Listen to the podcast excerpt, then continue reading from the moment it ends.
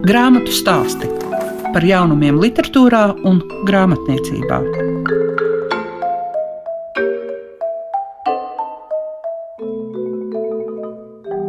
Ir klāts grāmatu stāstu laiks. Tātad jūs esat klasikas klausītāji, cerams, ka gana uzticīgi. Un šīs dienas raidījumā es, Liega Piešiņa, piedāvāju sarunu ar Andreju Veisbergu, valodnieku, tulkotāju, Latvijas universitātes profesoru, jo viņam ir iznākusi monogrāfija tulkojumi latviešu valodā 16. un 20. gadsimta ainava. Tāpat pievērsīsimies kādai agrāk izdotai grāmatai. Tās nosaukums sasalusī sieviete, autore Annija Erno. Nu jā, jūs jau sapratāt, viņa ir šī gada Nobela prēmijas literatūrā laureāte. Grāmatu stāsti tiem, kam grāmatu lasīšana ir vērtība. Andreja Veisberga tulkojuma latviešu valodā vēsta par notikumiem no 16. līdz 20. gadsimtam. Kāda tad tā aina ar tulkojumiem ir? Piemēram, kura ir visvairāk tulkotā grāmata latviešu valodā? To būs ļoti grūti pateikt, bet Es domāju, ka bērnu grāmatas būs droši vien visvairāk tulkotās. Ļoti daudzām ir ļoti daudz izdevumi. Jā, es domāju, ka bērnu grāmatas tās būs. Kāpēc jums bija tāda pārliecība, ka šādai grāmatai ir jātop? Jo tulkojumu latviešu valodā mēs runājam mūsu šobrīd, 21. gadsimtā, laikam vairāk interesē kvalitāte. Vai caur šo prizmu var ieraudzīt, kāpēc tā kvalitāte ir tāda, kā ir? Nu, daļai, protams, var. Jo kvantitātes ziņā liekas, ka visbiezākais laiks ir tagad, un varbūt mazliet atpaliek, bet arī ļoti intensīvs tulkošanas laiks bija no 5. gada līdz 1. pasaules karam. Bet nu, tur no kvalitātes ziņā ir milzīgs hauss. Tur ir gan ļoti labi darbi, labi tulkojumi, gan neskaitāmi viena darba tulkojumi, kas viens par otru sliktāki. Nu, saka tā, ka kvantitāte kādreiz pārauga kvalitātē. Mums tā gribētos. Mums tā gribētos. Iespējams, ka daļai arī tas ir tā. Jo nu, sākumā bija nepieciešams, lai šajā darbā iesaistās gan arī katrs, kas kaut ko var pārtulkot. Un tad tā lēnām mēs sākam sijāt nost, un tā lēnām sākās diskusijas par to, kas ir labs tulkojums, kurš tad ir labs un kurš ir slikts. Nu, tas jau ir 19. gadsimta beigās diezgan daudz šo diskusiju, ir, kad parādās vairāk paralēlie tulkojumi vienam un tam pašam darbam. Bet te ir arī tāda nobīde, ka, ja mēs runājam par 19. gadsimtu, tajā laikā lielākoties tika uzskatīts, ka tāda laba literatūra ir faktiski dzēja, vai arī tā varētu būt literatūra, kas ir tādā pusdzējas formā rakstīta tiek vispār uzskatīts, ka romāni ir pilnīga inde un muļķības, un stāsti ir arī nekam nederīga lieta, kas saindē cilvēku prātus. Un tad kaut kādā brīdī tā lieta mainās. Un tad 20. un 30. gados romāns tā teikt kļūst par gandrīz vai pirmo lietu, kas ir tulkojums. Kārtīgs tulkojums, kārtīga grāmata, tad tas ir romāns. Un, ja tur kāds ir iztulkojis kādu stāstu, nu, tas ir tā, tas nav pārāk nopietni. Tagad tās lietas ļoti mainās, un tās tendences arī mainās. Un tagad arī ir cits laiks ar savām tendencēm. Andrija, jūs arī grāmatas atvēršanas brīdī tā ļoti labi teicāt, ka īsnībā dzēju jau visvieglāk ir pārtulkot tā, kā tulkotājs vēlas, nevis tā, kā ir. Protams, no jebkurā tulkojumā, gandrīz vai jebkurā teikumā, ko mēs sakām, ja es saku teikumu pieciem cilvēkiem, un tas ir tāds pagarāks teikums, un pēc tam tā kārtīgi viņus nopratināšu, ko viņi ir sapratuši, no to katram būs cita doma.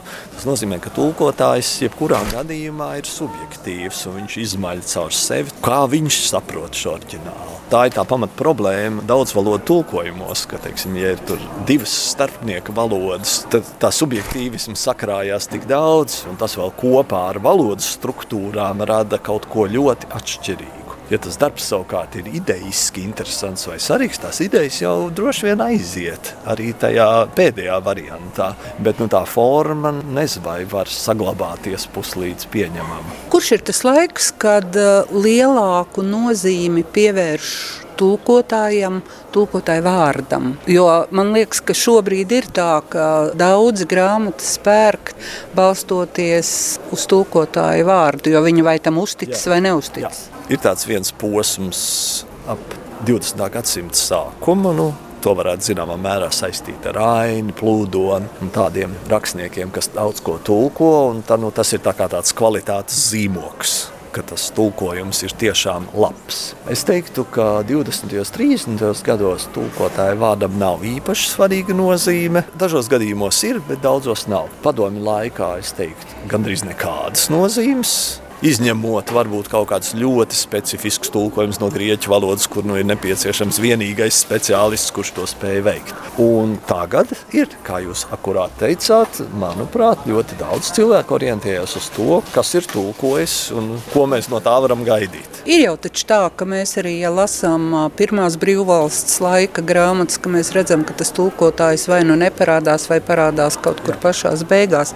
Kurš ir būtībā tas laiks, kad kā kanons, kā obligāts eh, nosacījums ir tas, ka tomēr uzrāda šo tulkotāju. 30. gadu beigas, kad Latvija pievienojas Bernas konvencijai, nu tad jau tā kā parādās. Tur ir, protams, daudz izņēmumu. Ir teiksim, izņēmumi, dažreiz parādās iniciāļi. Tad, acīm redzot, vai nu tulkotājs pats uzskata, ka darbiņš nav īsti labs bijis, vai arī tur ir aizdoms, ka varētu būt ar Lēdijas Čaterlejas mīļāko, ka varētu būt kaut kādi tiesu darbi, un tad labāk tur neparādīties ar pilnu vārdu. Padomju laikā sākumā tulkotājs gandrīz pazūd, varbūt var atrast beigās, bija tāda grāmatas pasīta beigās, tad tur var izburtot kaut kur atrast. Nu, un pēc tam pakāpeniski tulkotājs nāk atkal atpakaļ. Tagad es domāju, ka tulkotājs vairāk vai mazāk ieņem to pareizo goda vietu, varbūt pat uz vāka. Kā ir ar lokalizācijām? Ar to, ka tulkotājs piemēro vietu, laiku, kurā notiek darbība. Mēs zinām, ka teātris izrādes skatoties nereti vai operas ir sevišķi. Mēs redzam, ka režisoram ir tiesības gluži citu laiku parādīt. Nu, bērnu grāmatās tas tā kā ir pieņemams. Nu, ja mēs skatāmies, ja mēs aiziesim uz 30 operu uzvedumiem Baireitā, tur maz kas tur būs palicis no skatuviskā ietērpa. Mūzika būs tā pati. Nu, tā varbūt nav īsti lokalizācija. Tur kāds cits termins ir jāatrod. Lokalizācija tulkojuma gadījumā būtu, ka mēs mainām darbības vietu, nosaukumus, vārdus, pilsētas, varbūt arī pārtiku un daudz ko citu tādu. Nu, tas tā ļoti plaši netiek praktizēts, izņemot bērnu literatūru. Nu, protams, ir tā sauktā pārrakstīšana, kad mēs visu to darbu pārrakstam pavisam citā formātā, varbūt ar pavisam citām idejām. Padomu laikā tā bija. Piemēram, savā laikā Robinsons Krūzo Čukovskis it kā tulkoja, bet pilnīgi pārrakstīts. Tur izņemts ārā viss, kas ir filozofisks, viss, kas ir ar Dievu saistīts. Viņi tiek pārvērsts par tādu citu tipu darbu. Un šis paraugs tika pēc tam tulkots visās sociālās valstīs. Turklāt tas tika pieņemts par kanonu. Lūk, tas ir pareizais Robinsons Krūzo. Mums Robinsons Krūzo tika iztulkots 37. gadā, un pēc tam, man liekas, 68. gadā Mirds Čempe iztulko to pamatu darbu pareizi tāds kāds ir. Bet pēc kara ir vairāk izdevumu šiem saīsinātajiem, dīvainiem variantiem. Tulkojums no krievu valodas turklāt. Ļoti skaisti. Bet arī ķempes ļoti labi iztulkotiem Robinsonam Krūzai noņemt pēdējā rindkopa, jo Robinsonam Krūzai ir otrais sējums. To padomu savienībā pieminēt nedrīkstēja. Jo tur ir pieminēta Krievija, tur ir apraksts par Krieviju, diezgan briesmīgs apraksts. Tas bija pilnīgi. Pirmās grāmatas beigās Daniels Defo raksta, nu, tā beidzās šie pirmie piedzīvojumi, un tagad būs vēl nākošais sējums, kur būs jauni piedzīvojumi. Protams, šī rindkopa ir izņemta ārā. Nu, Citādi nabaga lasītājs sāks prasīt, kur tad ir otrais sējums. Kāda ir tulkotāja atbildība? Tulkotāja atbildība ir, manuprāt, tulkot tā, cik vien labi var, bet tulkotājiem var būt dažādi principi. Tulkotājs var aiziet ļoti tālu no oriģināla teksta, bet tādā gadījumā es uzskatu, ka tulkotājam ir atbildība norādīt to, ko viņš ir darījis. Nevis aizejot no oriģināla ļoti tālu, un varbūt daudz ko nomainot un iekrāsojot, paziņot, ka tā ir oriģināla kopija, un mums tas ir jānorīk kā patiesība. Man liekas, ka mēs viņus brīžam saucam par pelēkajiem kardināliem, apzinoties to, kas ir. Bet, Cik lielā mērā jūs rakstot šo jutāties kā detektīvs? Jā, tev ir ļoti daudz detektīvu elementu. Meklēšana, dažus jautājumus izdevās puslīdz noskaidrot. Šis tas ir palicis gaisā karājoties. Šo to es neesmu licis iekšā, tāpēc, ka man ir galīgi neskaidrs. Man negribas tur likt iekšā četri varianti, kas to varētu būt tulkojis. Nu, tas tā mazliet dīvaini. Ir piemēram ļoti interesanti, 46. gadā ir izdota vēlna eliksīra Hofmaņa. Man pirmais jautājums ir, kā padomu, kā Staļina laikā var izdot šādu grāmatu? kas ir klerikāla, romantiska, mazliet seksuāla, erotiska, ar baznīcu saistīts. Nu, viss pilnīgi aizliedzams. Un turklāt divi tulkotāji, kas ir dīvaini. Tādai vienai grāmatai, klasiskā stilā rakstītai grāmatai, divi tulkotāji. Un tad samērā nejauši es atklāju, ka vācu laikā šī grāmata ir iztulkota. To ir tulkojis viens Elīja Kliena. To ir tulkojis. Tad izdevās noskaidrot, ka grāmata ir iztulkota, izdota, pareizāk sakot, nodrukāta, un tad ir gaidījuši ilustrācijas. Un ilustrācijas nav atnākušas. Un viss šī lieta ir palikusi. Pēc varas maijām komunisti ir nolēmuši, acīm redzot, es domāju, ka tā ir izdevniecība, kas ir nolēmusi, ka jādabū kaut kāda nauda. Staļina rakstiem jau droši vien naudu nevarēja nopelnīt, ka tomēr šī grāmata ir nodrukāta, ka viņi varētu izlaist. Un tad viņi ir nomainījuši pirmo lapu, pielikuši klāt komunistisku rakstnieku, jeb tulkotāju, kurš droši vien neko nav darījis. Lai gan pastāv iespēja, ka var būt šis otrais tulkotājs vācu laikā ar kaut ko ir darījis, bet viņš, kā komunists, viņš skaitījās nepielaižams oficiāli. Nomainīt ir pirmā lapa, tur faktiski ir informācija par izdevēju tikai un gandrīz nekas cits. Kas ir ļoti simptomātiski, šī grāmata ir izdota, pārdot. Eksemplārs var šur tur pat dabūt antikvariātos vēl. Es pārskatīju ļoti uzmanīgi periodiku periodikā nav neviena vārda par šo grāmatu. Tātad tūlīt pēc izdošanas kāds ir sapratis, ka ir notikusi milzīga diversija, ideoloģiska kļūda un nav neviena vārda. Tad paiet 20 gadi vai 15 gadi, un Andrejs Upīts kaut kur garām ejot piemin vēlne eliksīru, kas saindē cilvēku prātus. Tā pilnīgi garām ejot. Nu, acīm redzot, atsaucoties uz šo. Un tad 70. gados, kad jau ir samērā liberāla politika, kliena raksta savas atmiņas kur viņi apraksta, ko viņi kad ir tulkojusi. Tur ne vārdu nav par šo grāmatu. Tie tādi detektīvi elementi, kas man liekas šausmīgi jauki. Jā. Bet sakiet, kā ir pirmās brīvvalsts laikā vairāk par tulkotājiem piestrādāja rakstnieki. Tagad tas vairs nav populāri. Kāpēc? To varētu saukt par profesijas profesionalizāciju, proti, ka rakstnieki ar to kaut kādā brīdī vairs nenodarbojās, jo līdz neatkarības laikam gandrīz visi Atsevišķi, atsevišķi izņēmumi. Man liekas, ka Jānis Šefskis, piemēram, nav tulkojis neko. Praktiski visi rakstnieki ir kaut ko tulkojuši. Vēl vairāk tulkojot, viņi ir mācījušies. Nu, teiksim, Andrejs Upīts tulkoja franču naturālists, un to uzreiz var redzēt, ka viņš pats sāk rakstīt, kas tur notiek. 20. un 30. gados pakāpeniski tie vadošie rakstnieki lēnām slīd ārā. Dzēnieki paliek pie dzējas vēl, teiksim, virza. Nu, jā, vai, jā, bet rakstnieki tā kā pakāpeniski aiziet. Teiksim, Anšlaus Eglīts, man liekas, nav. Nu, tas ir mazliet jau vēlāk, bet Anšlaus Eglīts nav tulkojis. Cik es zinu, neko īpašu. Vilis Lācis arī nav tulkojis. Nu, viņš varbūt arī izņemot Krievu, neko nezināja. Pakāpeniski aiziet. Nu, un pēc otrā pasaules kara padomju laikā tie vadošie rakstnieki jau arī īsti daudz vairs netulko. Nu, ir Ojārs Vācietis ir tulkojis Meistaru un Margaritu, bet tas ir tāds izņēmuma gadījums. Jā, dzēja, jā, dzēja tiek tulkot. Profesijas tā kā sadalās. Latvijas laikā, es teiktu, bija kādi 4-5 profesionālie tulkotāji. Valdemārs Kārkliņš, Lizeta Skalbe tulko daudz. Nu, ir kādi 3, 4, 5 profesionāli tulkotāji, kas praktiski paši neko neraksta, bet tulko.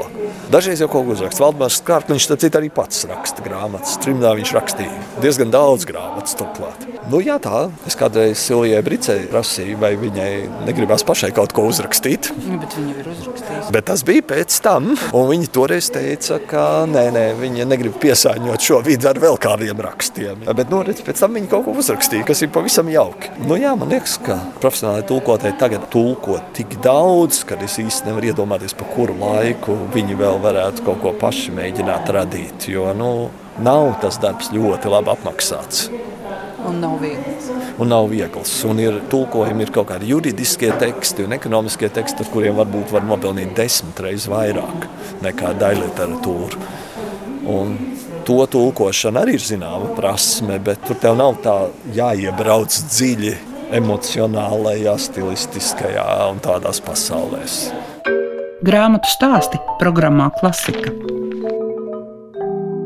Sasalusīs sieviete ir Omnijā mēja izdevniecībā izdotā Annijas Arno grāmata. Un, kaut arī tā ir iznākusi latviešu pirms vairākiem gadiem, mēs viņu aktualizējam tāpēc, ka Annija Arno ir šī gada Nobela prēmijas laureāta literatūrā. Kā tā grāmata nonāca izdevniecības plānos? Tas jau bija tiešām sen, jo es lasot un meklējot grāmatas un apmēram veidojot veidojot to savu pirmo programmu izdevniecībai, tad tas jau bija arī pirmsākumos gandrīz. Nu, tas prasīja zināmu laiku, un uh, es nonācu pie šīs grāmatas tieši izlasot piecas grāmatas, no kurām es izvēlējos tieši šo, jo, kā jau ir dzirdēts, un par to arī stāsta Kalnieri, no viņas daļrad, viņas grāmatas ir literatūra, socioloģija un vēsture. Viņa daudz raksta par sevi, arī autobiogrāfiju nu, nevarētu teikt, ka tie būtu ļoti autobiogrāfiski, bet ir ļoti daudz kas no viņas dzīves. Viņa daudzos savos darbos runā par sevi. Un ir arī zināms tas, ka viņas ģimene viņa ir cēlusies no sīktirgotājiem, un viņa to tā ļoti tā kā pārdzīvoja. Viņa gribēja no tā izrauties. Nu, un visu šo te ņemot vērā, tās piecas grāmatas apmēram visas ir par viņas ģimeni, par viņas dzīvi pēc kāra Normandijā, kur viņa ir dzimusi. Un tad es paņēmu šo, kur bija tā kā visi tie pavadieni bija tēvs, bija māte, bija viņa. Tad, kad viņa precējās, bērni, tas apmēram tas posms viņas dzīvē. Un šeit bija tā kā viss tā kā kopā. Un taisn tāpēc es šo grāmatu izvēlējos. Kaut gan es zināju arī, ka ir grāmata Laplas vieta, kas stāsta par viņas tēvu. Bet, nu, lūk, man atkal šķita, ka varbūt interesantāk ņemt visu. Ir Jā. par viņu rakstīts. Es jau te minēju, ka viņa ir dzimusi Normandijā, Iveto, maza pilsētiņa, un uh, viņas vecākiem bija veikaliņš. Vienā pusē bija kafejnīca, otrā pusē bija sīkturgotava, un tad viņa, nu, bērnībā, protams, ka nē. Bet vēlāk viņa visādi centās tomēr izrauties no savu tā sociālā slāņa. Un tad viņi studēja Ruānā, viņi mācījās literatūru, bija skolotāji. Arī kārtoja speciālu eksāmenu, lai varētu mācīt licējā un pēdējās klasēs, jo tur tas tā ir jādara. Un pēc tam viņa arī pasniedzēja bijusi mācot literatūru. Viņa pati ir teikusi, tad, kad lūk, viņai piešķīra šo Nobel prēmiju, viņa bija virtuvē, kad viņa to izdzirdēja. Viena pati. Un viņai tas ir bijis pārsteigums. Patīkams, es domāju. Un tad viņa tajā pirmajā intervijā arī teica to, ka tas viņai, protams, uzliek pienākumu. Tagad jo atbildīgāk par to, ko viņa raksta. Un tad bija arī tāds teikums tieši tāds, ka viņa runājot, es pieļauju, ka tas ir runājot ar jauniem literātiem, viņiem saka, ka ir daudz jālasa. Un tad tie jaunie cilvēki ir teikuši, nē, mēs jau rakstām. Bet nu, tā tad viņas uzskats ir tāds, jo viņa pati ir daudz lasījusi. Lai lūk rakstītu, laikam tomēr ir jālasa arī to, ko raksta citi.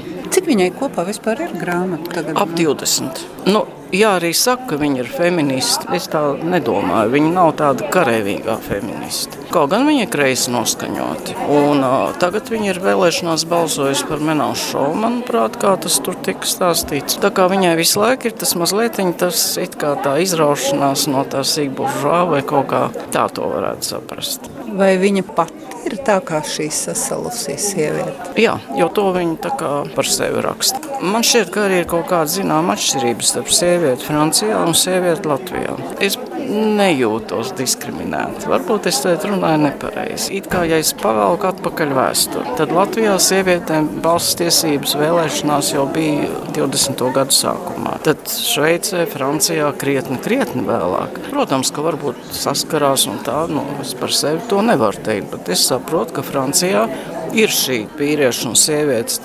atšķirīgās lomas, stipri atšķirīgās lomas.